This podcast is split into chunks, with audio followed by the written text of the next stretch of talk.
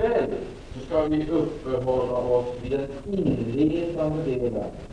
Därför att jag tror att detta är så viktigt att vi får en rätt bakgrund, en rätt bakgrund till, det, till sann förståelse utav Romarbrevets eh, vidare eh, utveckling och behandling av eh, frälsningsfrågan. Och vi har läst Romarbrevet 1 och där har vi läst den 17 versen där det alltså heter rättfärdighet från Gud uppenbaras nämligen däri av, av tro till tro. Så är det skrivet, den rättfärdige skall leva av tro. Rättfärdige ska leva av tro. Nu ska vi gå in i den, den i nästa sammanhang där vi möter detta kategoriska påstående, kategoriska påstående om hedningarnas situation. Det heter Guds vrede uppenbarar sig. Guds vrede uppenbarar sig från himmelen över all ogudaktighet och orättfärdighet hos människor med orättfärdighet undviker sanningen. Och då kommer det här beskedet som nu naturligtvis verkar chockerande. Det verkar chockerande därför att eh, vi vanligtvis har en helt annan uppfattning. Det bryter alltså mot den, gäl den gängse föreställningen eh, om eh, hedningens situation och om Gud. Gud har uppenbarat sig, uppenbarat sig och förmedlat sådan kunskap till människan att hon, oberoende vilket utgångsläge hon har, genom de ting som hon är åsyna vittne till, det vill säga ting som kan registreras genom hennes fem sinnen, eh, ting som kan registreras genom hennes fem sinnen, gör att hon kan se Gud eftersom hon har en särställning i skapelsen, säger skriften. Hon är eh, hon har en särställning och utgör en särart. Eh, så sägs det klart och tydligt, hon kan genom dessa sina fem sinnen skaffa sig en vägledande kunskap om Gud. Vi talar också om människans sätt att eh, kunna bevisa ting. Hon kan bevisa, med logikens hjälp kan hon bevisa saker och ting. Eh, hon kan med statistikens hjälp bevisa saker och ting. Och det finns också, skulle vilja säga det, det finns också möjligheter med logisk bevisföring komma fram till, logisk bevisföring, ja, helt enkelt, utan någon eh, annan kunskap än den som hon har i sin egen utrustning, så finns det möjligheter för henne att lära känna Gud. Vi talar om de olika gudsbevisen jag minns inte, eller jag vet inte om ni har antecknat det. Vi talar om de olika gudsbevisen. Alltså, det vill säga, det finns redan logiska bevis. Det finns saker och ting som i kraft av sin egen existens vittnar om att Gud existerar, eller Gud finns till. Man kan inte komma fram till något annat resultat. Ty om man kommer fram till någonting annat resultat, så bottnar det i någon form av förnekelse, passiv eller aktiv. Eh, den passiva förnekelsen, den kommer så småningom att eh, manifestera sig i aktiv förnekelse, och hon kommer in på filosofins område.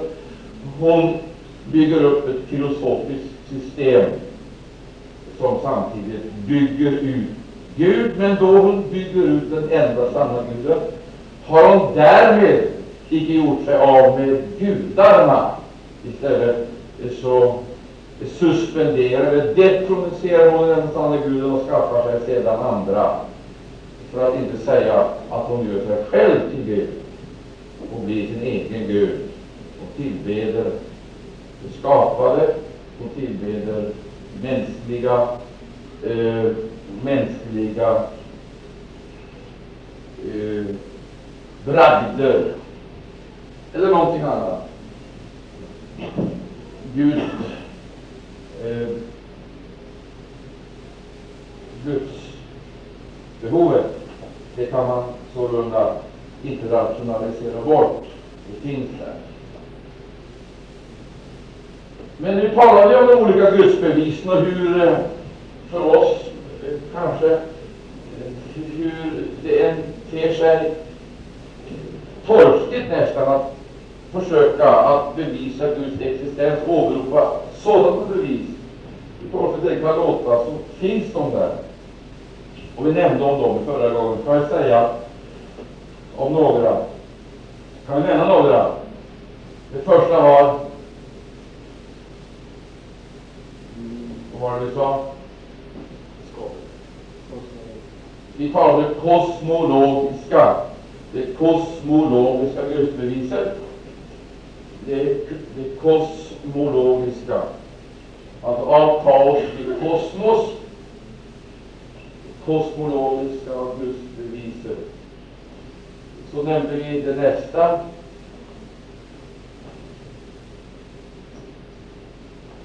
som också som brukar tala om. Vilket var det?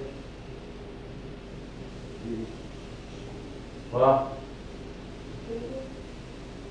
Det fysiko... Vad sa vi? Det fysikoteologiska, om det fysikoteologiska gudsbeviset. Om det kosmologiska gudsbeviset svarar på frågan varifrån, så svarar det fysiskt det fysikoteologiska svarar på vilken fråga då?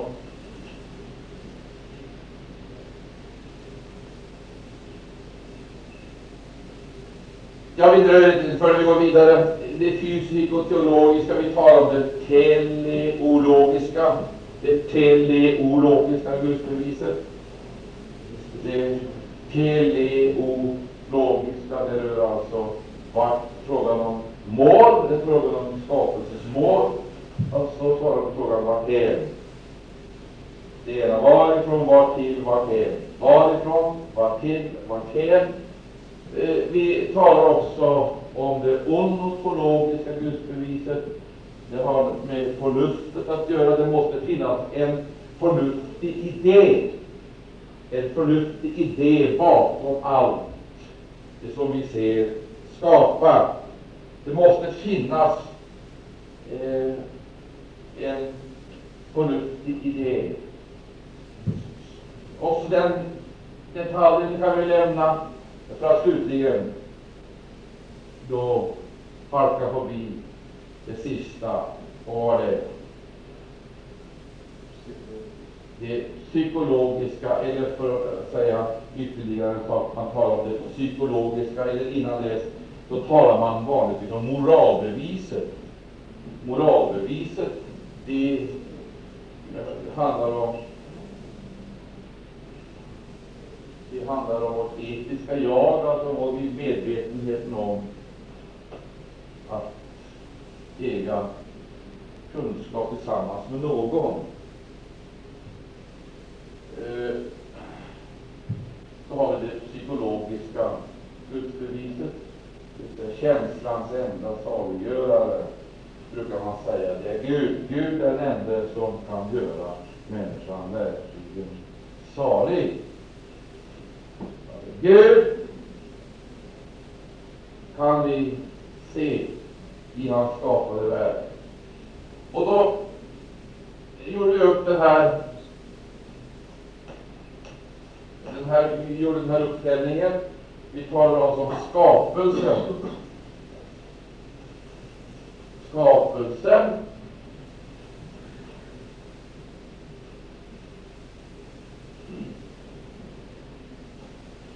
Skapelsen. Vägledande kunskap. Vägledande kunskap till Guds skapare. Skapelsen talar om att det finns en skapare.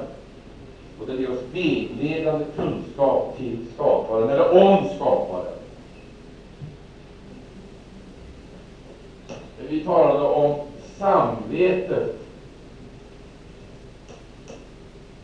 Den, den oskrivna lagen som finns inristad i vårt inre. Och vi ställer frågan om samvetet möjligen skulle vara en produkt av miljön.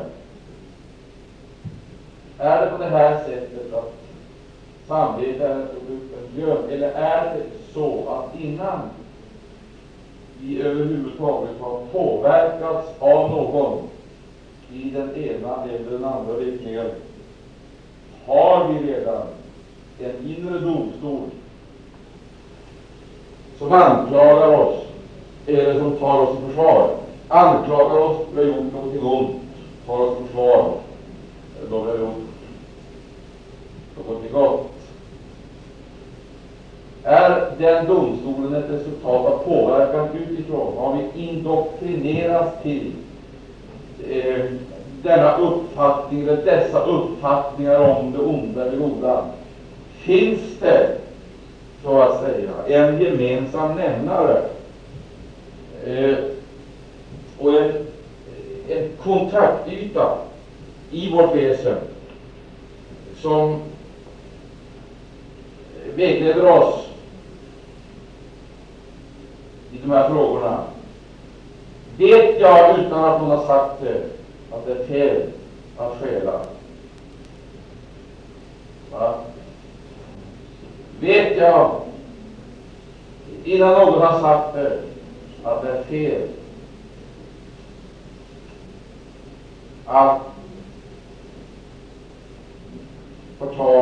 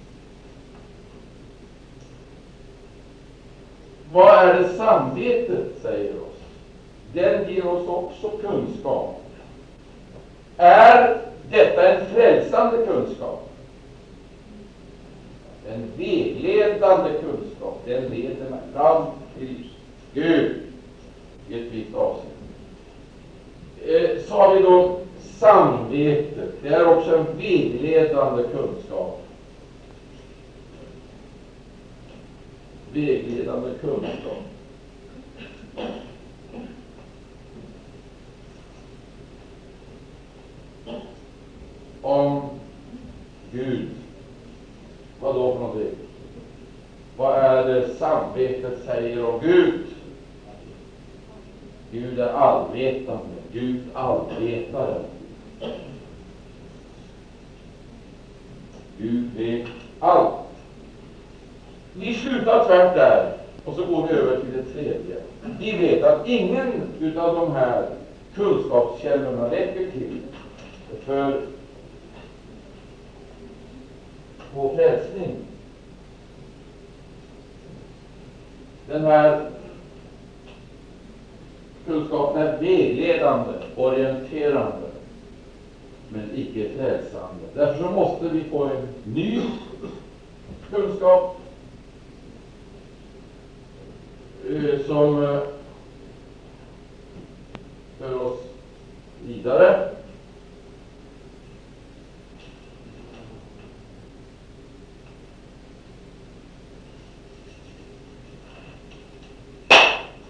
En ny kunskap måste vi få. Och vad är det för kunskap? Vi i tredje kapitlet. Vi ska inte lämna första och andra kapitlet, men vi ska, vara, vi ska läsa vi ska läsa den första och andra versen i det tredje kapitlet. Varsågod.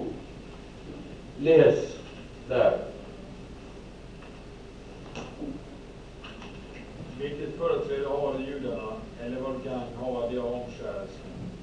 Jo, ett stort företräde på, på allt sätt. Först och främst det att de har blivit med Guds löftesord. Ja. Vi läser den andra versen en gång till, och, och så ser vi där att det fanns ett folk som hade privilegierats i ett bestämt avseende. Det här kan man hålla på att diskutera till döddagar. Varför Eh, och hur detta kan vara möjligt att den ene får ett företräde framför den andra. Men det är en fullständigt meningslös diskussion. Lika meningslös som den diskussion Lere får upp mot Mästaren. Det leder inte fram till någonting. Gud tog ut ett folk med en speciell avsikt. Det var inte därför att man ville ha favoriserade gunstlingar. Det var inte det det handlade om. Han tog ut detta folk med, med en speciell missionsuppgift. Det var genom detta folk hela världen, säger skriften, skulle välsignas. Genom detta folk skulle hela världen alltså få kunskap om Gud. Och vi tog upp den sidan förra gången. Det var omöjligt att handla annorlunda.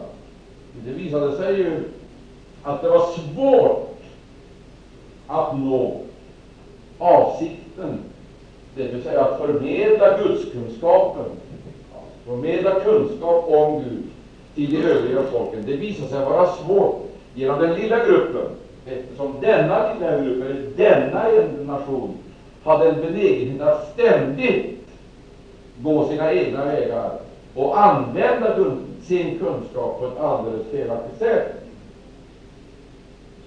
Eh, ibland så isolerade de sig. När Gud sa att de skulle gå, då tog de sig till ro. När Gud sa att de skulle vila, då gick de. Då Gud sa att de skulle eh, ha honom till konung, då valde de sig en människa till konung. Då Gud sa att han skulle uppenbara sig för dem på ett speciellt sätt, då vidtog de eh, åtgärder som vanligtvis gjorde det omöjligt för Gud att uppenbara sig. De handlade vanligtvis rakt emot det Gud hade uppenbarat. Vi ser alltså att det var ganska svårt att få fram avsikten genom den lilla gruppen. Det var en total omöjlighet att nå hela massan.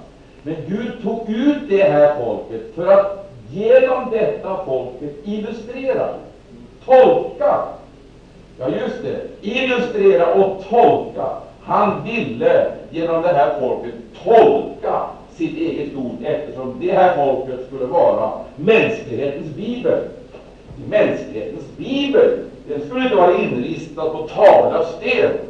Mänsklighetens bibel, det skulle finnas alltså hos ett folk som förkroppsligade Guds fullkomliga vilja. Det var Guds avsikt. Då vi läser Bibeln, så ser vi det. Men vi vet hur det gick. Vi känner till genstridigheten, olydnaden, denna plågosamma eh, process. Ibland ohygglig reducering genom lidande, fångenskap, nöd och vanvård. Understundom såg det ut som om de var utrotade från jorden. Men Guds och beskyddade det på ett märkligt sätt. Och det fick alltså ett speciellt förtroende. Och vi läste om det här. Ett av dessa företrädare var just det att de skulle förmedla kunskap. Vi läser versen en gång till. Vad var det för företrädare vi hade? Jo, ett stort företräde på allt sätt. Först och främst det att jag blir betrodd betrodda Guds löftesord. Här, här har vi den tredje uppenbarelsen. Guds ord.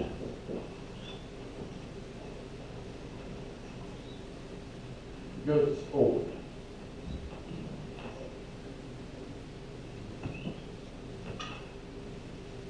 Vad kan vi säga om Guds ord? Vad, kan vi säga om Guds ord?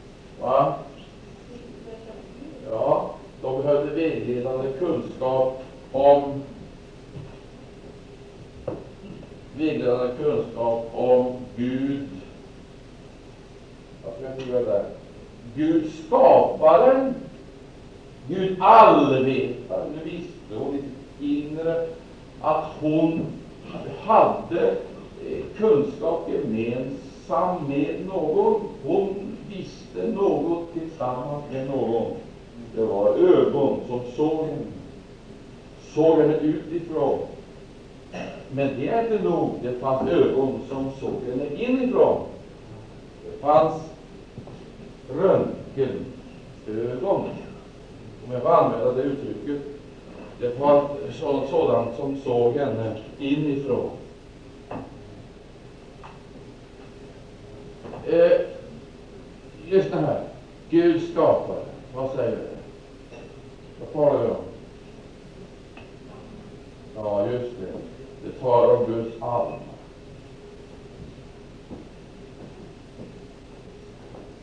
Gud allvetare. Nu vet hon det här, men hon måste ha vägledande kunskap. Vadå? Vadå? Hon måste veta någonting. När hon nu stod där med sitt kränkta samvete och hennes inre samvete, hennes inre människa, gav henne upplysning om och anklagade henne för hennes dåliga gärningar, då måste hon veta någonting. Ja, inte det ska.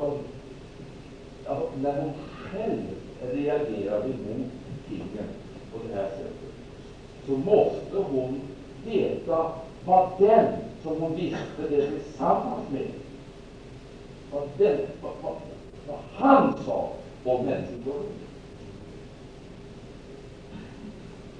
Det är en sak att jag får kunskap om hur jag själv upplevde det, själv förnimmer det, men få vetskap om hur Gud ser på den här tiden, som samvetet redan dömer. Vi måste få kunskap, vi måste få ytterligare kunskap. Va? Ja, vi skulle väl kunna skriva dit Gud domaren. Och ändå så står det ju att det var Guds löftesord som Israels folk betroddes med.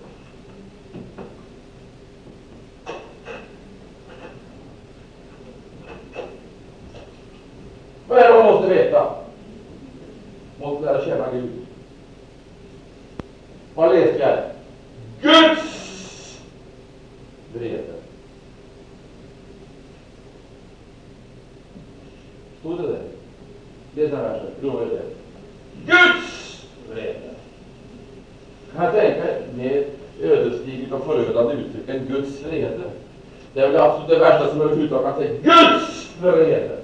Det finns knappast något, eh, något svårare eh, förhållande än att vara föremålet. objekt för Guds Och vad läser vi om det? Läs den här, läs den här. Guds vrede uppenbar i din himmel över all ogudaktighet och orättfärdighet hos människor som i orättfärdighet undertryckas. Ja, lyssna här. Guds vrede uppenbaras från himlen över all ogudaktighet och all orättfärdighet. Och då kommer vi tillbaka till det här igen som vi har nämnt om tidigare. För det första ogudaktigheten. Ogudaktighet. Och så för det andra orättfärdighet. Orättfärdighet. Guds, alltså ogudaktighet manifesterad i orättfärdighet. Orättfärd, orätt,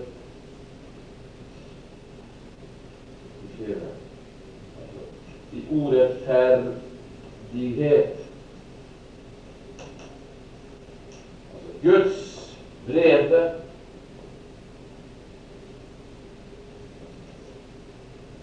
ogudaktighet, manifesterad orättfärdighet, eller också i det andra kapitlet, i andra kapitlet, orättfärdighet, eller också i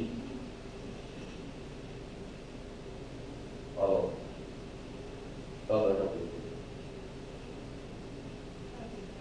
Va? Ja, egenrättfärdighet.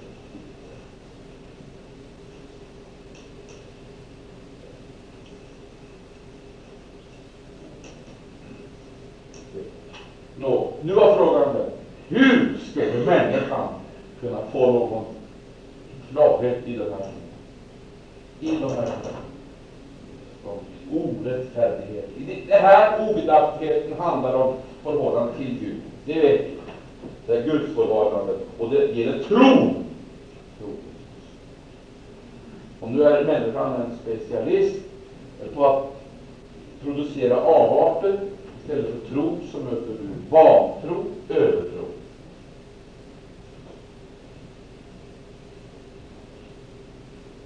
Eh, vad är då egenrättfärdighet och orättfärdighet? Ja, det handlar om förhållandet till omgivningen, till medmänniskorna. Då gäller det inte längre tro, utan då gäller det moral. Det handlar om moral. Förhållandet till omgivningen. Och då visar det sig det att eh, det här följs åt på ett märkligt sätt. Alltså, om vi tänker oss tro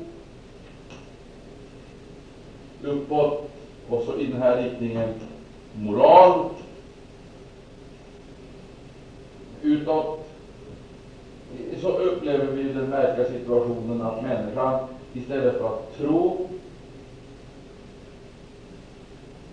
vill gärna mönstra bort tron eller beröva tron något av dess verkningskraft. Och så börjar hon moralisera. Hon vill vara moralisk. Och så ser vi då hur det här liksom börjar utveckla sig. Vi ser den lilla avvikelsen. Uh, jaha, och så blir det på det här viset. Istället för att höja sig upp alltså i, på ett högre plan, på ett högre moraliskt plan, så kommer hon med sina filosofiska system, sina moralläror, sin gärningslära eller någonting sådant. Det ligger på sidan av tron, det är egenrättfärdigheten och självfrälsningen.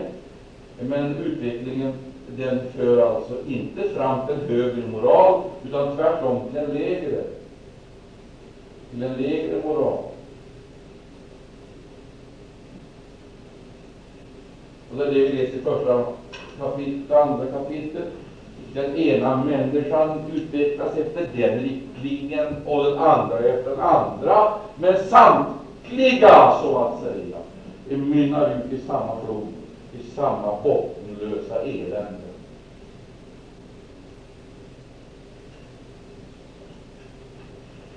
Eh, Eh, det här, måste, det här måste bli uppenbart för människan. Det hon redan visste inom sig. Det måste tydliggöras eller åskådliggöras. Åskådliggöras.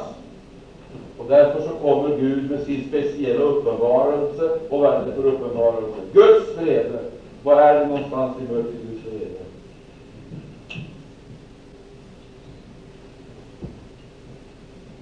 Först i historien i frälsningshistorien.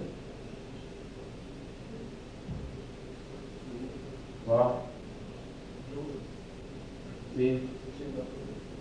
Ja, det är nog riktigt, fastän Guds vrede synliggjord i den skrivna uppenbarelsen. Ja, jag kommer lag sitter är ska lagen skrivna i samvetet, utan den som är skriven på, på Alltså, vad är lagen? Vad är då lagens uppgift?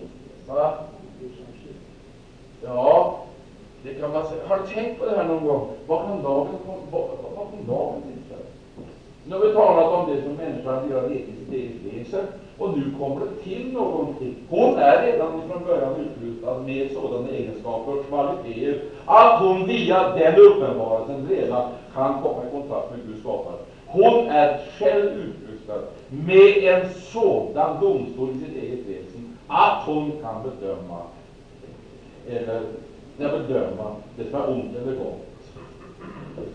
Alltså. Sanning eller lögn.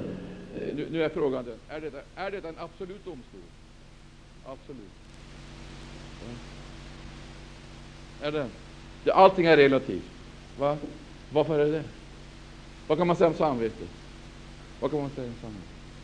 Är samvetet skapat av miljön? Men samvetet, ja, det påverkas av miljön. Det kan man säga. Men vi måste lyssna till det här en liten stund till. Vi måste titta på lagen och lagens funktion. Det är någon av er som har funderat på vad, som, vad lagen hade för funktion. Va?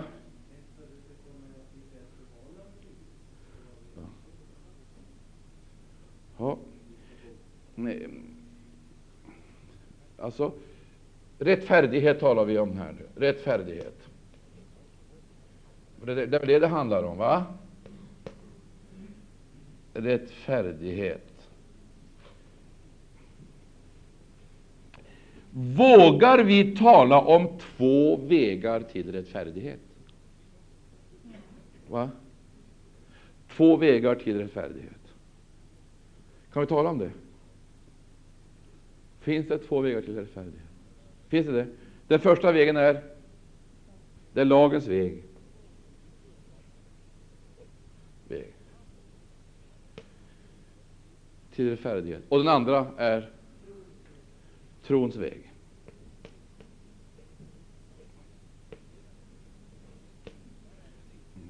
Nu är frågan den. Hörrni, nu vill, fråga, nu vill jag fråga er. Upphäver de här varandra eller kompletterar de varandra?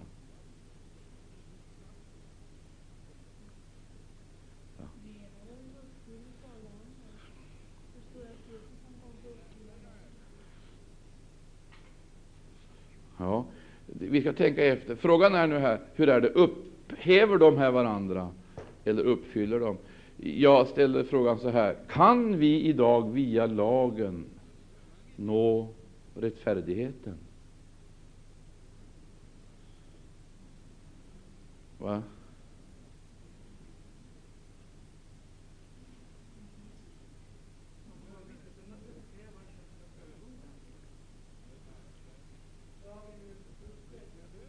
Ja, vi, ska, vi ska lägga märke till här, det är några saker, det är några uttryck som jag vill att vi ska få fram, även om det här inte egentligen tillhör det förberedande studiet. Så vi har med det här redan på det här stadiet, av den anledningen att vi ska få en lite mer vidgad blick för att sedermera ska kunna förstå de övriga kapitlen i Romarbrevet, den första delen, de första åtta kapitlen. Och därför så vill jag redan nu betona det. Hur är det med lagens väg? Leder den till rättfärdighet? Var det något fel på lagen? Vad var det fel på? Det var inte på lagen som var, fel, var felaktig, utan det var, det var människan. Hur skulle människan kunna få veta detta? Ja, det vill säga det, hon var tvungen att få gå ända till vägs ände. Och vart ledde lagen någonstans, människan? Va? Vart ledde lagen människan?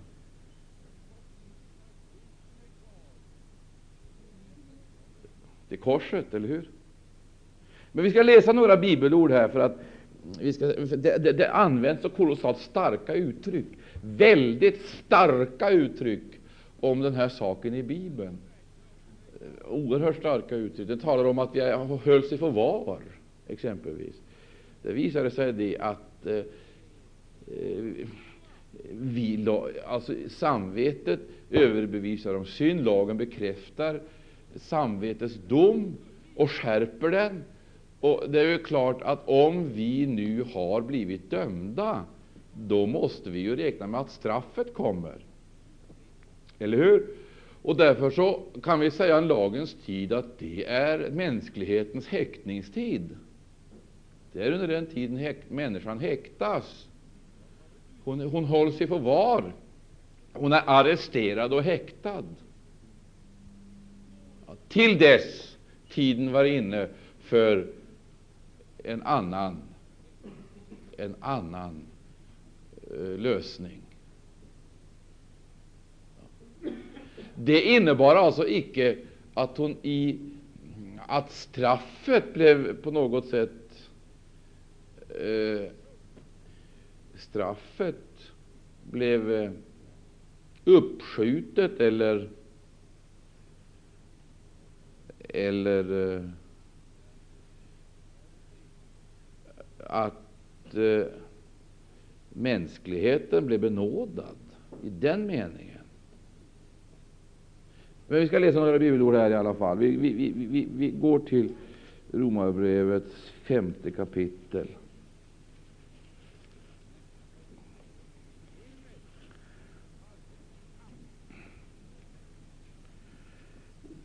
Vi läser därifrån den tolfte versen i femte kapitlet.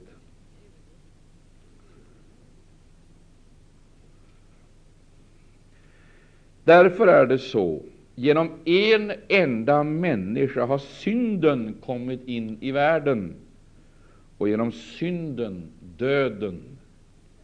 Och så har döden kommit över alla människor, eftersom de alla har syndat.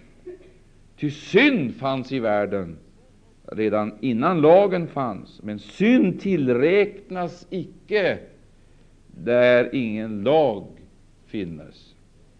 Och dock har under tiden från Adam till Moses döden haft väldet också över dem som icke hade syndat genom en överträdelse i likhet med vad Adam gjorde, han som är en förebild till den som skulle komma.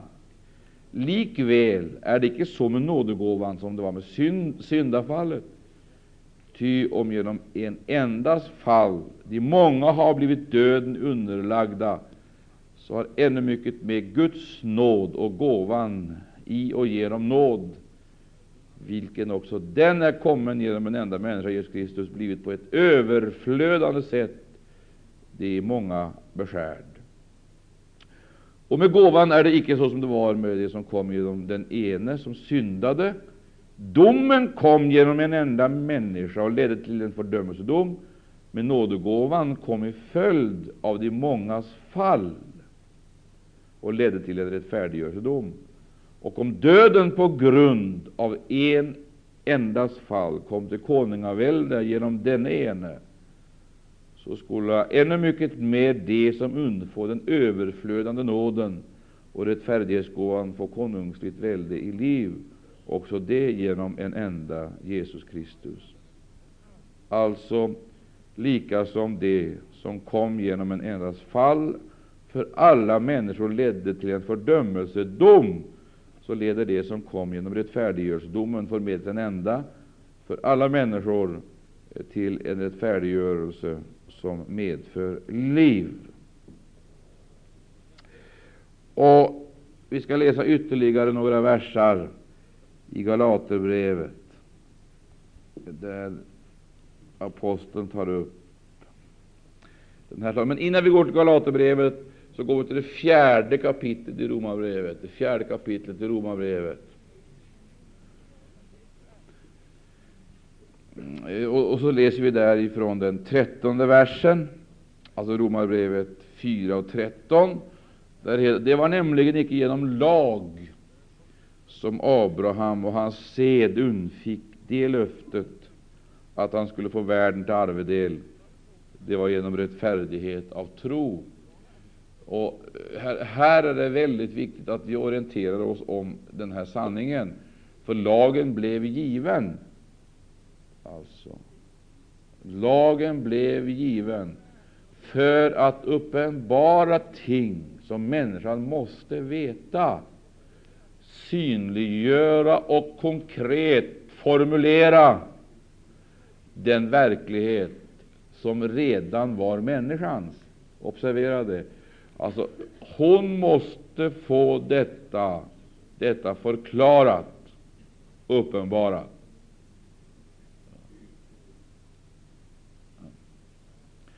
Men innan lagen blev given så upprättades ju förbundet med Abraham. Och Abraham är trons fader.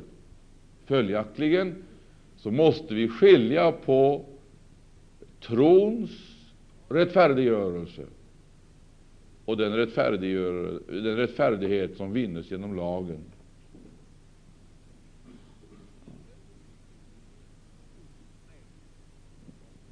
Nu eh, går vi till nästa vers, där, alltså i, i, i det fjärde kapitlets fjortonde vers.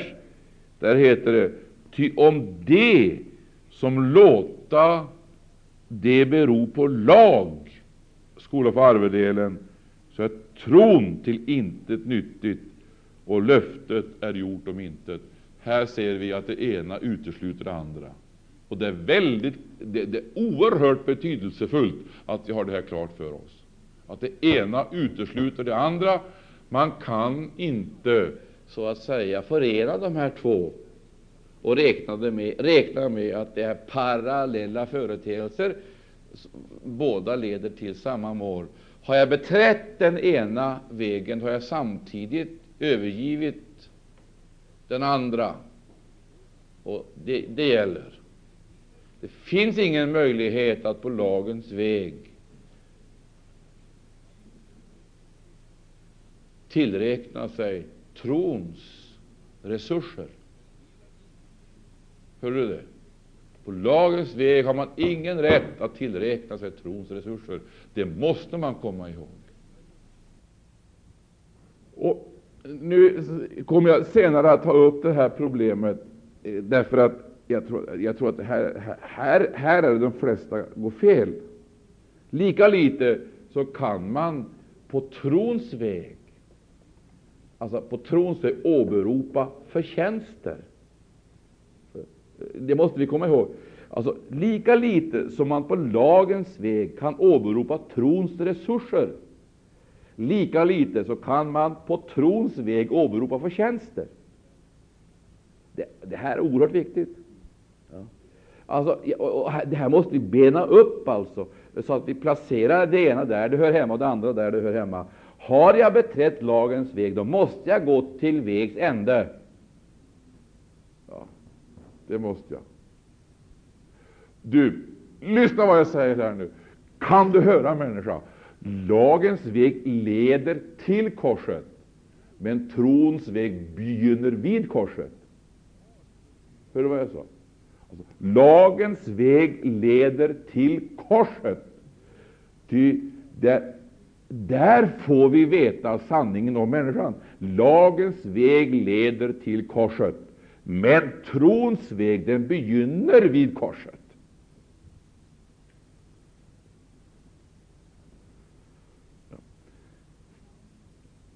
Är det här klart? Va? Eh, eh, om jag gör ett exempel, exemplifierar det här. Om jag sätter en vägvisare där och pekar ditåt, så pekar jag på målet som ligger här. Sant? Eller hur? Den pekar dit.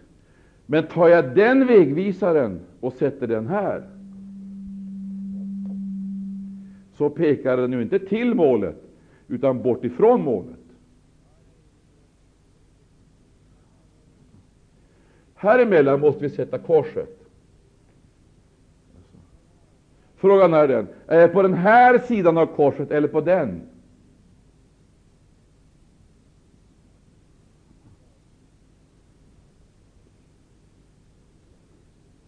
Förstår du?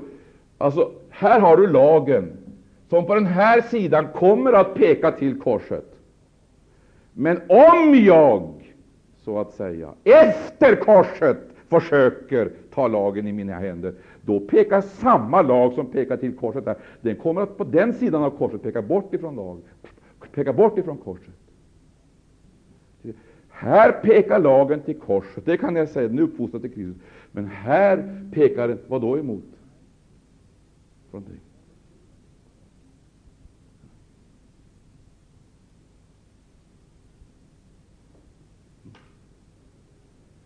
Det som på det här stadiet pekar till korset kommer i det här stadiet peka bort ifrån.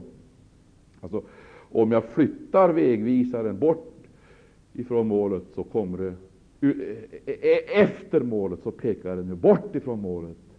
Alltså, jag, jag, jag, hoppas du förstår det här nu. Va? Fråga, har Kristus kommit?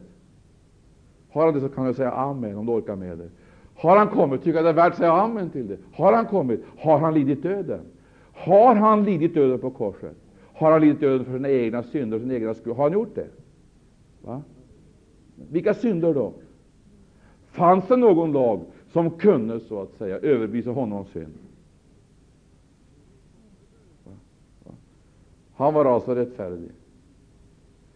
Och nu kommer vi in på det här, han uppfyllde, och så kommer vi in på rättfärdiggörelse och gottgörelse. Alltså, att, alltså Gud i himlen. Alltså, vem var det som förklaras, förklarades rättfärdig?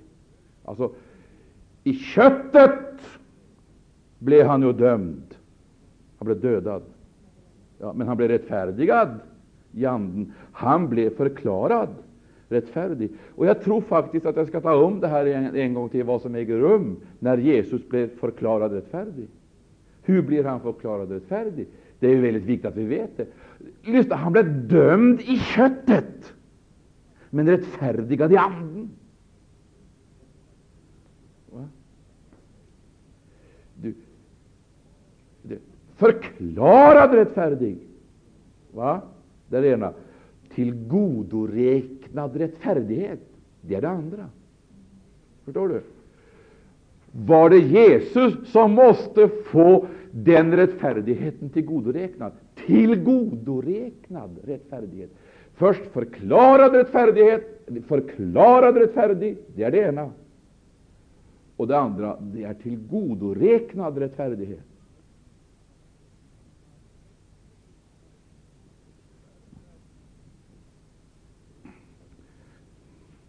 Tillgodoräknad, det har ju med räkning att göra alltså.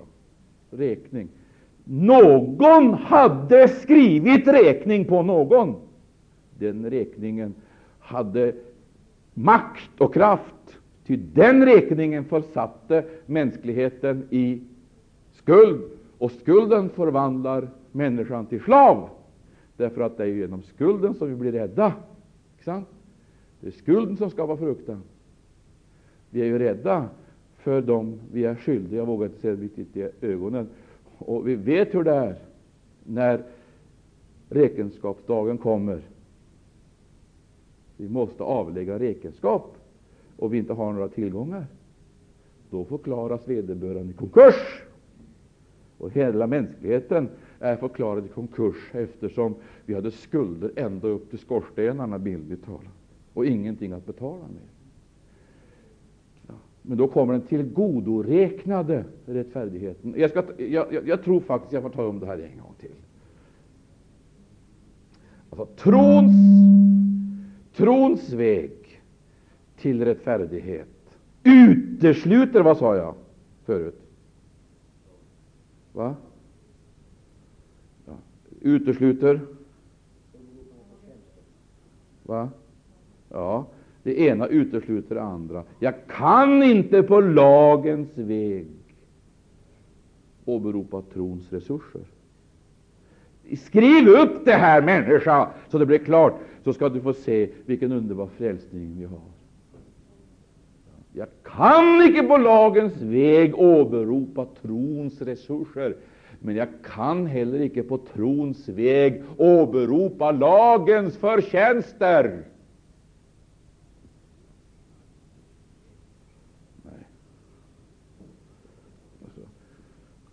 Har man börjat beträda lagen, då ska vi göra klart för Jag säger det en gång till.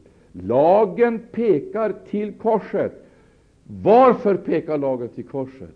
Den pekar emot döden. Sammanhänger det med, med lagen?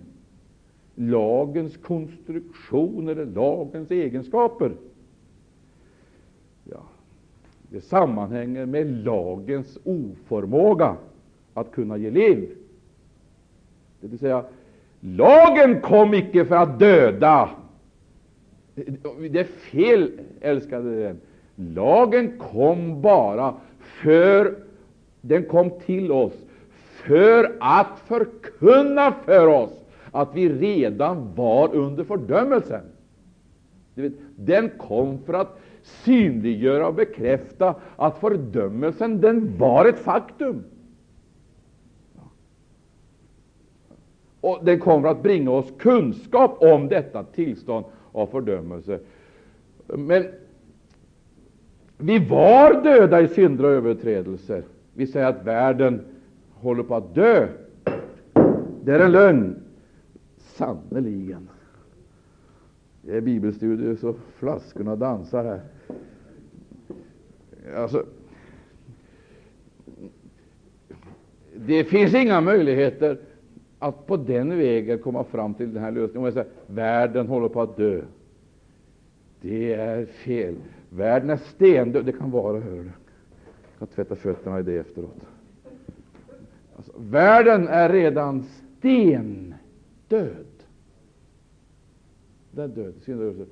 Och jag kanske till och med ska stanna här ytterligare en liten detalj. Därför att när skriften talar om död, så talar han om död i betydelsen skilsmässa. Det innebär alltså död i det här sammanhanget innebär icke att man har upphört att existera, utan man har skilt från Gud. Så talar Bibeln om ett annat andligt tillstånd. Den talar om att sova. Vakna upp, du som sover. Men då vänder sig inte skriften till världen och den ogudaktiga världen. Då vänder sig skriften till de troende, de som sover. Till de som sover är icke döda, de har livsfunktioner. De andas och de upplever att blodet det eh, är i omlopp i deras ådror. Hjärtat fungerar och vissa andra egenskaper, men när man sover så äter man icke, som jag sa här förut, och man arbetar icke. Eh, och så vill jag säga, inom parentes vill jag säga det, att den som icke är vaken, säger Jesus, är icke beredd att möta honom. Så man kan ha vissa livsfunktioner och vara oberedd att möta Jesus. Det som håller oss levande, säger han, det är inte att vi andas, det är bönekontakten, den måste vi ha. Utan det som håller oss ah, levande, det är att vi har näring, att vi har kost och kunskap genom ordet och att vi arbetar. Det är kunskapen. Alltså det förnyas genom sann kunskap, heter det. Står det inte det så kristen? Hörde du vad jag sa? Förnyas genom sann kunskap. Du kan be hela ditt liv utan att förnyas. Du kan ha bönegemenskap. Du kan bli en utsökt, strålande karismatiker genom denna ljuvliga dvala och detta sköna, denna sköna vila. Ja. Det, det, det, du kan bli en, en strålande karismatiker medan du, du, du, du, sover. Du, sover. du är inte beredd. För Jesus vad jag säger till eder, säger han, det säger jag till alla. Vaken. Vaken. Och varför ska vi vara vakna? Därför att det är genom denna vaksamheten som vi förnyas. Det är genom kunskapen vi förnyas. Och har vi icke kunskap, så kan vi icke förnyas. Det vill säga, vi måste få kunskap, och vi måste få ordets kunskap. Och därför så har jag inte tro för människor som använder Bibeln så att säga som ett slags, eh, ja, ska jag kalla det för ett slags eh, eh stimulans med en tumvers nu och då eller någonting sånt där, eh, eller en kvarts bibelläsning på kvällen för att, ja, samvetets skull kräver åtminstone det att man vet ju det att det tillhör kristna livet att man ska öppna Bibeln en gång om dagen. Det där förstår ni, det är sömnaktigheter. Där är man sömndrucken. Och det är likadant med det som icke arbetar. Och om jag står här tills jag dör och ni är mina trogna lärjungar kommer hit varenda tingsdagskväll och lyssnar på det jag säger, så hjälper det ingenting. För vi kommer att ruttna ner allihop. Om icke det vi hör sätts i funktion och blir arbete. Och vad arbete i det här sammanhanget är för någonting, det vill jag inte gå in på. Det är inte nödvändigtvis naturligtvis att vi springer med traktater eller gör någonting i den vägen. Men vi måste in i verksamhet, i, i, i ett verkligt målmedvetet arbete. Annars så sover vi. Och då kan vi drömma ljuva drömmar om väckelsen som kommer i slutet av det här århundradet. Eller också kan vi drömma om väckelsen som redan är ett faktum och tala sagolika ord om väckelsen. Det är bara det att vi talar i ett sömndrucket tillstånd och surrar. Vi talar i nattmössan. Vi måste få realism, verklighet, sanning. Det var en parentes. Vi kom in på det. Här, men världen, den sover icke, den är död. Och världen kan icke frälsas utan att den är med om en uppståndelse. Och därför heter det, om I är en uppståndna med Jesus Kristus, så söken det som är där ovan. Uppståndelsen måste ha ägt rum. Det vill säga den första fasen i uppståndelsen måste ha ägt rum här om vi ska få del av den andra. Den första fasen i uppståndelsen är på nyttfödelse. Halleluja. Och den andra fasen i uppståndelsen är kroppens uppryckelse. Halleluja. Och har jag icke det i den första, så har jag icke det i den andra.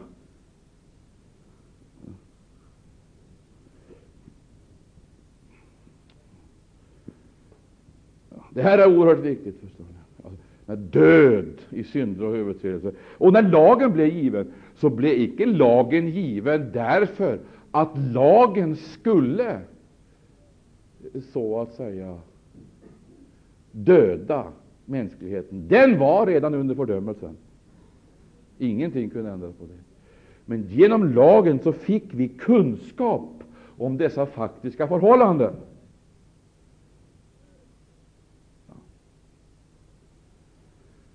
Och det var detta släkte som så att säga kom att eh, hamna i den här situationen. Eh, vi, vi ska läsa några verser till. Vi går till Galaterbrevet. Och där läser vi det tredje kapitlet, Galaterbrevet 3.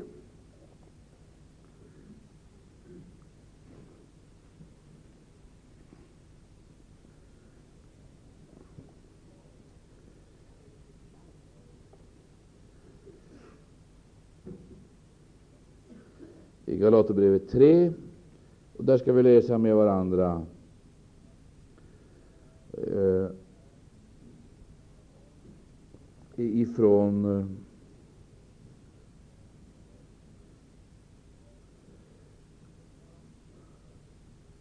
Vi kan läsa ifrån tionde versen, tionde versen och några följande. Romarbrevet 3. Ja, Galaterbrevet 3. Varsågod.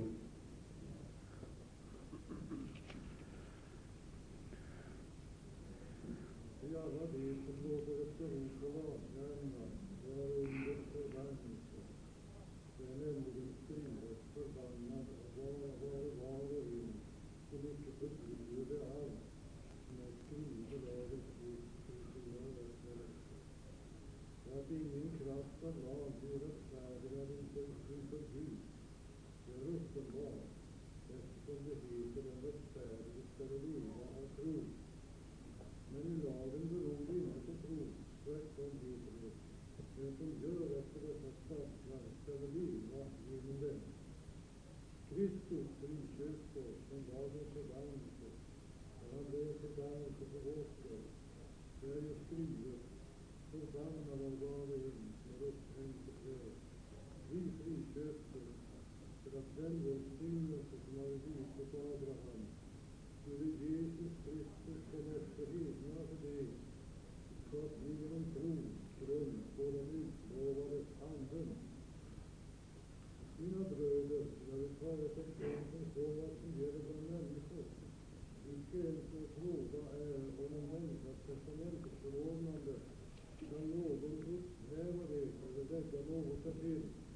sedan det en gång har vunnit gällande kraft. Nu gås löftena åt Abraham, så åt den hans säd. Det heter icke, åt den som komma av din säd, innan det talas om många, utan det heter, innan det talas om en enda, åt din säd, vilken är Kristus. Vad jag alltså vill säga är detta, ett förordnande som Gud redan har givit gällande kraft, kan inte genom en lag som utgavs 430 år därefter har blivit ogiltig, för att löftet därmed har gjorts om intet. Om det nämligen vore på grund av lag som arvet skulle undgås, så vore det inte på grund av löftet, men att Abraham har Gud skänkt det genom sitt löfte. Ja, och sen så kommer då slutsatsen av det här. Om nu lagen icke kan leda fram till det resultatet, då måste jag naturligtvis ha svar på frågan varför skulle då lagen överhuvudtaget vara given? Och nu vill jag säga till er en sak. Jag ska tala om för er en sak, mina vänner. Det är få människor som icke är anstuckna här utav det jag skulle kalla för moralismens surdeg. Det är få människor. Och jag måste säga att jag är förvånad över att vi till och med i en sån här liten grupp som Maranata ständigt behöver brottas med det här problemet. Människor som är anfrätta, anfrätta utav det jag vill kalla för gärningsläran. Och jag möter det dagligen i människor som på ett eller annat sätt vittnar om förtjänster och eh, har ting att berömma sig utav. Och med dessa förtjänster och eh, ting så vill de meritera sig inför Gud. Och ibland så är de medvetna om det. Jag ser att det ligger något spekulativt i det de säger eller vittnar om. Andra gånger är de omedvetna om det. Men tendensen där att hela tiden åberopa någon förtjänst Alltså, den som åberopar förtjänst för sin frälsning har beträtt lagens väg. Det måste du komma ihåg. Och då har du icke rätt att, då har du icke rätt att åberopa trons resurser. Då måste du hela tiden vandra lagens väg till rättfärdighet. Eller också komma till den punkten då det blir känt för dig, verkligt känt för dig, att genom lagen har du blivit dödad. Alltså, det vill säga, vad som har skett, det är bara det att vi har fått dödsattesten. Döden är redan ett faktum, men genom lagen är dödsattesten utskriven. Och jag möter det där, jag möter det där hos människor. Det, det är märkligt alltså hur fruktansvärt lätt det är att anfrätas av den här, den här förtjänst, förtjänstläran eh, och gärningsläran. Och du ska inte tro det att det sker i de stora principiella frågorna. För att på det teoretiska planet så kan vi vara helt medvetna om det, men det sker i de små praktiska detaljerna, och det där är så fruktansvärt förrädiskt. Hörde vad jag sa? Det sker inte på det teoretiska planet för de människor som håller på och smusslar med små gärnings med sin hemslöjd, sin religiösa hemslöjd och har lite, lite, lite gärningslära, eh, lite mm, sån här eh, frälsningssnickeri Eh, som de eh, eh, konstruerar åt sig själva. De kan vara helt teoretiskt medvetna om att, att ingen blir frälst genom lagen. Men i verkligheten alltså, så håller de på med, en, med, med, en, med, med ett sånt där, med en religiös hemslöjd. Vad var det jag läste någonstans? Om de heligas rättfärdighet, det vita linnet. Det var en predikant som förklarade det att våra gärningar frälser oss inte, så de är inte frälsande, men gärningarna, de broderar på, på klädnaden, på, vad heter det? Vad kallas det? Det heligas rättfärdighet. Står det inte om eh, det vita linnet? Va? Det heligas rättfärdighet. Så vi kan inte, vi kan inte, vi, vi kan inte liksom, vi kan inte veva ihop den här rättfärdigheten, därför att det har vi inget material till. Men vad vi däremot vi kan brodera på den, så den blir finare. Och jag, jag, har en känsla av att det är precis så många läsare håller på. De håller på och, och, och brodera ihop någonting snyggt och tilltalande utanpå det verk som Jesus Kristus redan har gjort.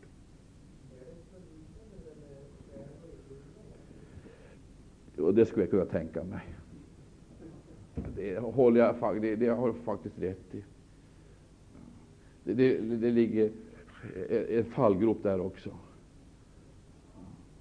Och har ni hört det här om bönebarnen? Har ni hört den visan? Har ni hört det? Bönebarnen. Alla plötsligt blir sänkt ner i någon slags, vad ska jag kalla det, en slags trans. Man, vi ska bedja för bönebarnen, precis som att det är något alldeles, alldeles speciellt med bönebarn när de blir frälsta.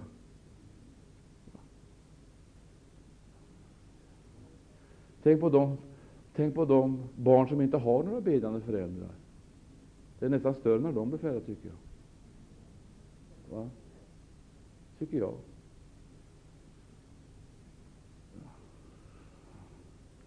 Så det är det där med bönebarn. Jag har hört det alla och bedja för bönebarnen.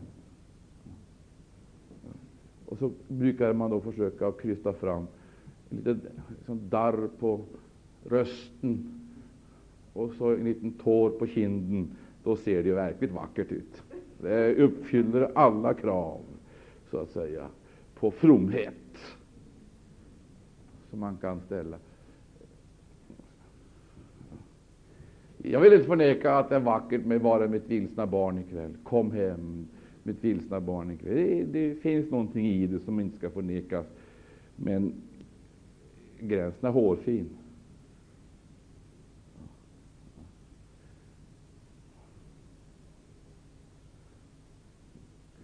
när man sjunger det där med stor klump i halsen, vara mitt vilsna barn ikväll, och försöker liksom få det där salvelsefullt. Darr på rösten. Nej, nej, nej. nej.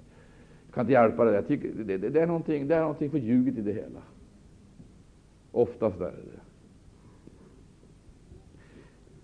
det. Här kanske var lite annat än brodyr på klänningen.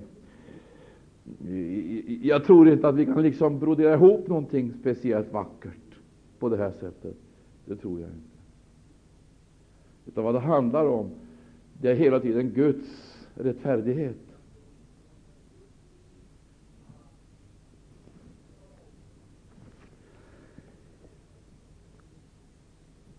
När vi nu kommer fram till nästa del av kapitlet, jag ser att tiden har gått igen. Ja, det är bara några få minuter kvar.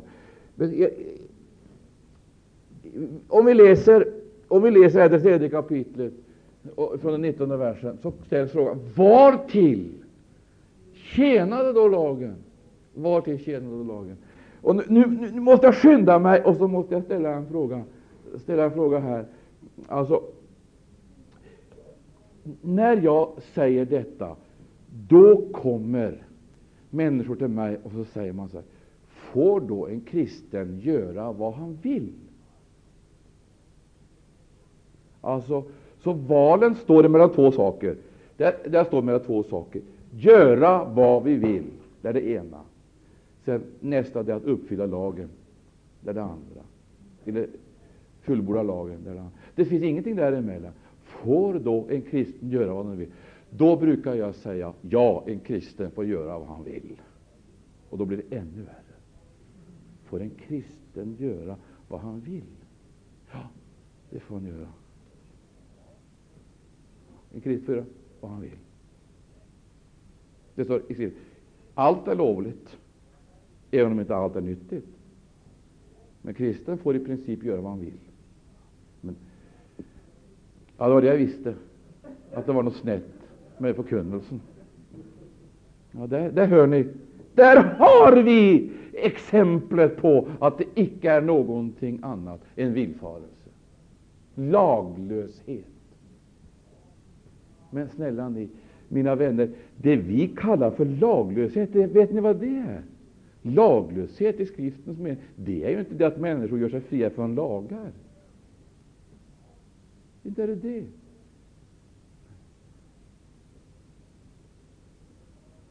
Laglösheten, det är ju den Laglösheten, det är ju träldomen permanenta.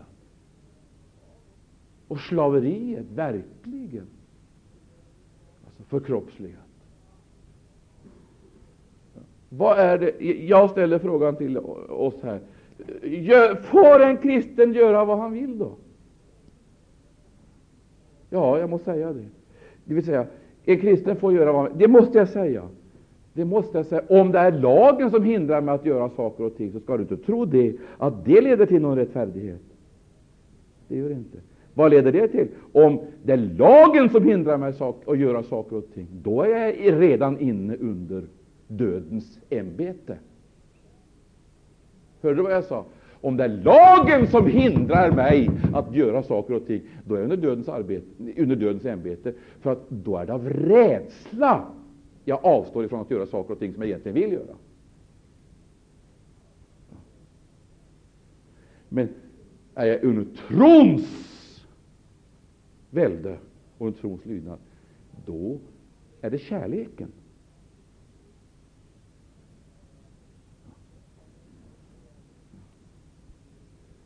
Kärleken.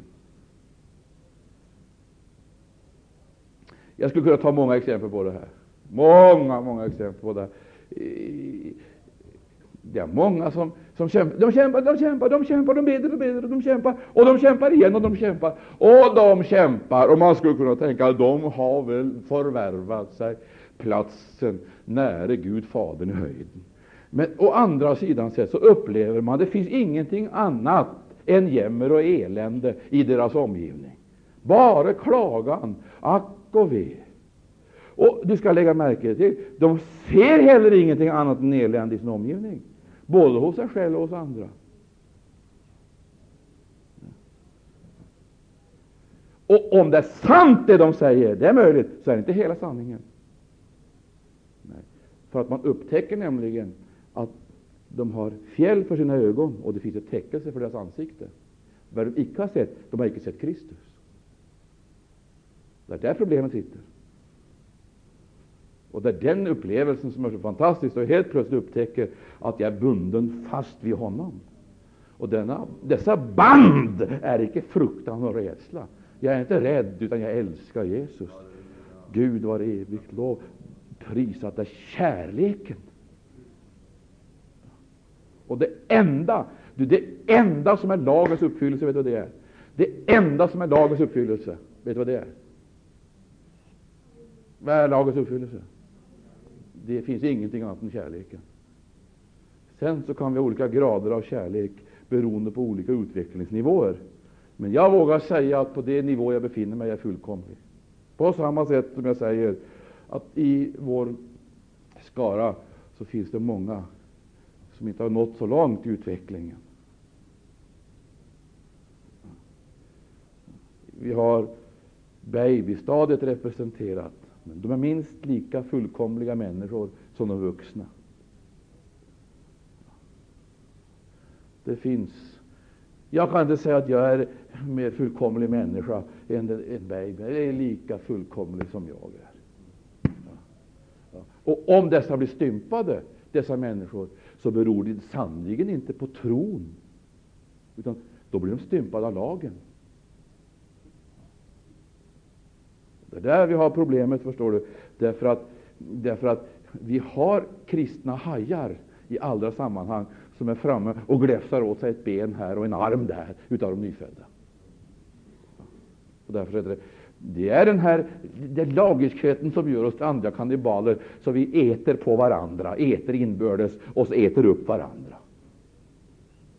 Det är väl ingen som tror att vi har skrovmål på varandras fysiska kroppar. Så att eh, vi, vi, vi, vi, äter köttet av varandra och, bl och dricker blodet av varandra i den meningen.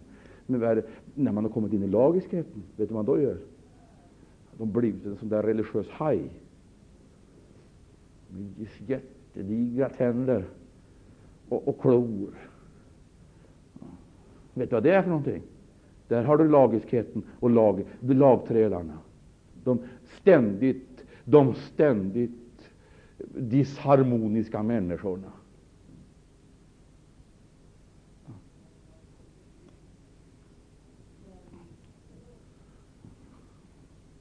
Det enda som kan bereda glädje i tillvaron, det är Jesus Kristus. Det finns inga annat. Det som kan ge frid i tillvaron, är Jesus Kristus. Det som kan ge härlighet i tillvaron, är Jesus Kristus. Det kraft i tillvaron, är Jesus Kristus. Det finns ingenting annat. Och de som inte har Kristus och detta, utan har lagen, och ska försöka uppfylla lagen utan möjlighet att kunna göra det, för de blir ju tröstlöst. Det enda de får syssla med det är synd, elände, vedervärdighet, tråkigheter, svårigheter, problem. Och det är bekymmer, och det är lidande, och det, det är vanskligheter, och det är, det, det, det, är mörker, och så vidare. Och nederlag. Mig, arma människa, det är det konstanta tillståndet man lever i. Men det är ju inte dit Herren har kallat oss. Han har kallat oss att leva i seger. Eller hellre, det där att leva i seger kan också bli ett sånt där kamputtryck och en paroll. Han har kallat oss att leva i Kristus.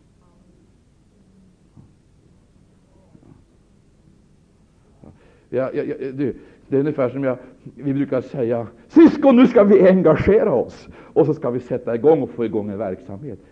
Vad står det i skriften att vi ska engagera oss? Det har jag funderat på på sista tiden. Vi kommer och ska engagera oss. Nu måste vi engagera oss. Jag skulle vilja säga så här, släpp loss Kristus i dig.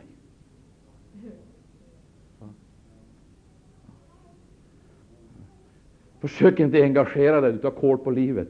Släpp loss Kristus i dig.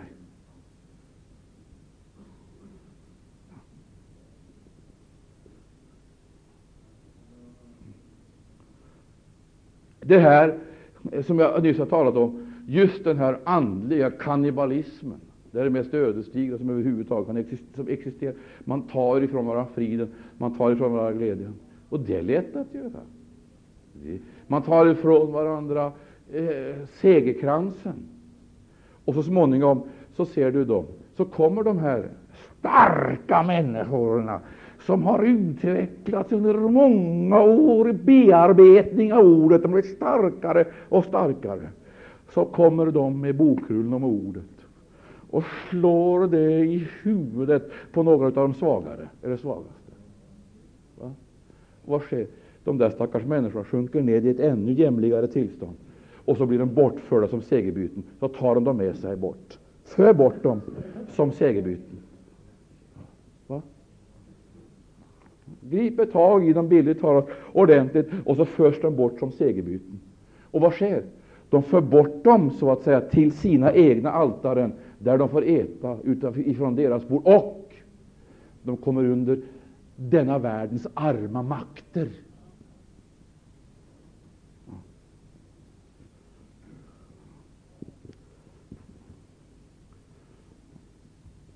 Det är den jämligaste syn som finns på jorden.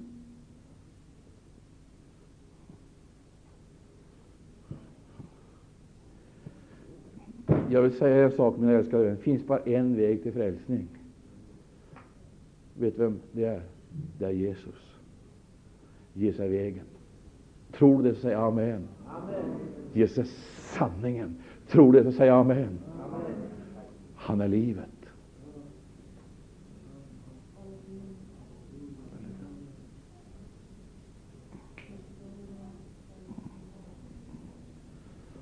Halleluja. Ära vare Gud och Lammet. Det är detta vi måste bringa till kunskap om. Frågan är var till tjänade lagen. Det var icke att så att säga komplicera vår situation och göra vårt, vårt elände ännu bedrövligare, utan det var att ge oss kunskap om de faktiska förhållandena.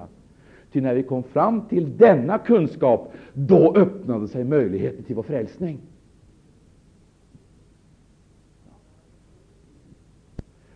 Gud tog ett folk, för att illustrera det här, ett folk som levde och verkade under ett antal år, århundraden och årtusenden. Det folket gav oss all den, det, allt det material och alla de bevis vi behövde för att förklara att det icke fanns någon väg till frälsning på lagens väg. Dessutom, de krönte sin bana och sin kamp med att korsfästa härlighetens Herre. Korsfästa härlighetens Herre. Det vill säga, när Gud demonstrerade inför den synliga och osynliga världen mänsklighetens verkliga situation genom att låta jordens frommaste folk få åt sig överlämnad himmelens konung och, och, och, och Guds son. Vad gör de? När han utblottas, till intetgörs, går ifrån sin härlighet och går in under mänsklighetens villkor. Vad gör de med den svage? Det är icke i förhållande till den starke vi bevisar vem vi är men det är i förhållande till den svage. Det är där det bevisar sig. Och när den svage, utblottade, blir överlämnad i deras händer, vad gör de? Då frigöres inom dem i ett enda ögonblick all den komprimerade ondska som de bär i sitt väsen och som ingen kultur eller någon religion hade förmått tukta.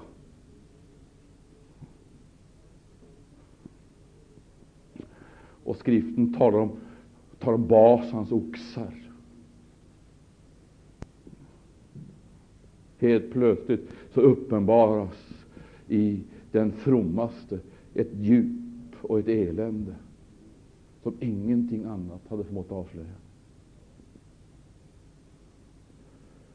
Och de utlämnar honom åt korset för att dö på korset.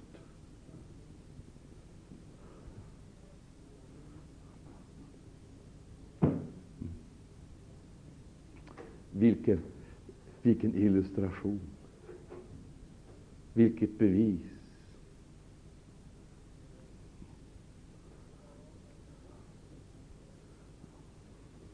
Vad är det som sker? Hela lagen, hela världen står med skuld inför Gud. Vi varenda en är solidariskt ansvariga för det som äger rum där på korset. Varenda en. Men inte nog med det att vi är solidariskt ansvariga genom en gemensam natur, utan vi är också ansvariga genom våra egna gärningar. Ty även om inte vi var där och höll i hammaren.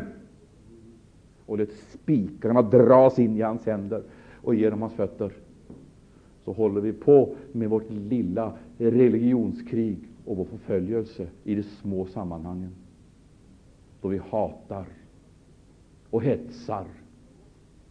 Då vi förtalar och förföljer internt i familjekretsen, kamratkretsen, till och med i församlingen. Ibland de kristna så möter man samma tendenser. Vi är precis samma andas barn. Ja. Och vi har ansvar, solidariskt ansvar genom en gemensam natur, men också genom våra egna gärningar.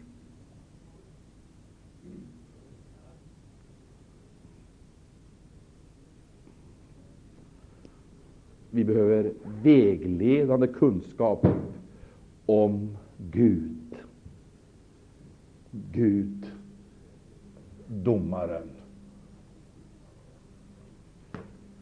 som utan anseende till personen dömer rättfärdigt så mycket gör skillnad på hög och låg, fattig och rik.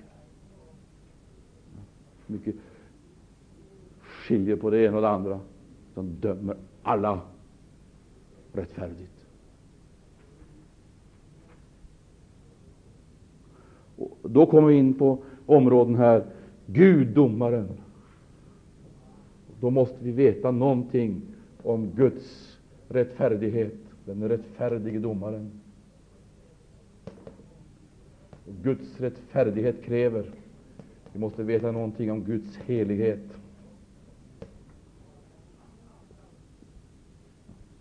Vi måste veta någonting om Guds sannfärdighet.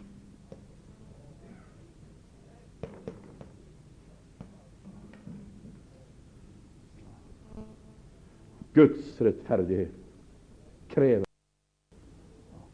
Guds helighet dömer. Guds sannfärdighet bekräftar. Gud ser mänskligheten förändras ifrån år till år, århundrade till århundrade, men Guds sannfärdighet är oföränderlig. Han förändras icke. Det han har sagt, det håller han. I alla avseenden, i avse med, med avseende på människans frälsning. Den som har syndat med lagen skall med lag dömas, säger Gud. Den som har syndat utan lag skall utan lag dömas.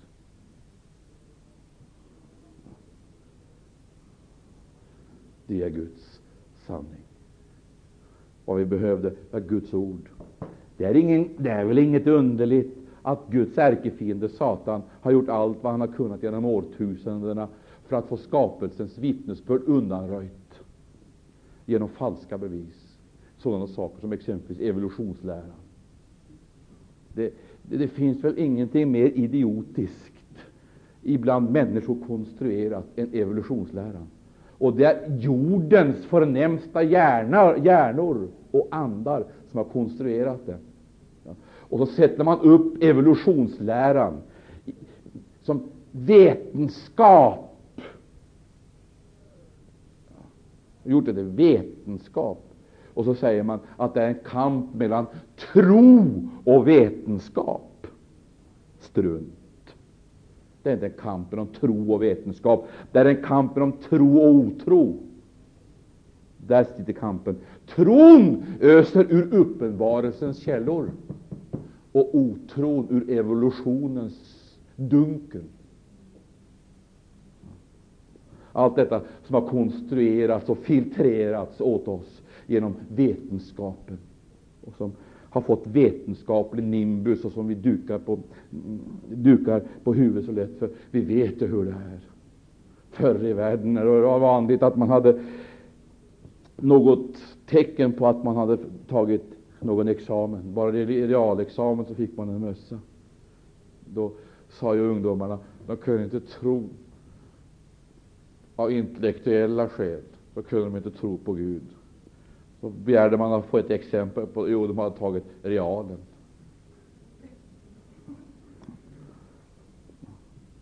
Och där hade de lärt sig förnekelsens, förnekelsens förbannelse. Var indoktrinerade. Och den information som de hade om Gud, den hade de fått av Guds ärkefiende Satan, genom hans agenter. Så blev de studenter. Då var de så uppblåsta så det var knappt att en studentmössa räckte till för den stora skallen uppblåsta människan. Så fick man akademiskt examen. Vi vet vad resultatet blev. Så började man laborera med frälsningsundervisningen och idiotförklara de frälsta. Då blev det vetenskapligt att idiotförklara kristendom och ja. Bibeln blev legender och skapelsen skapelsetron, det blev myter.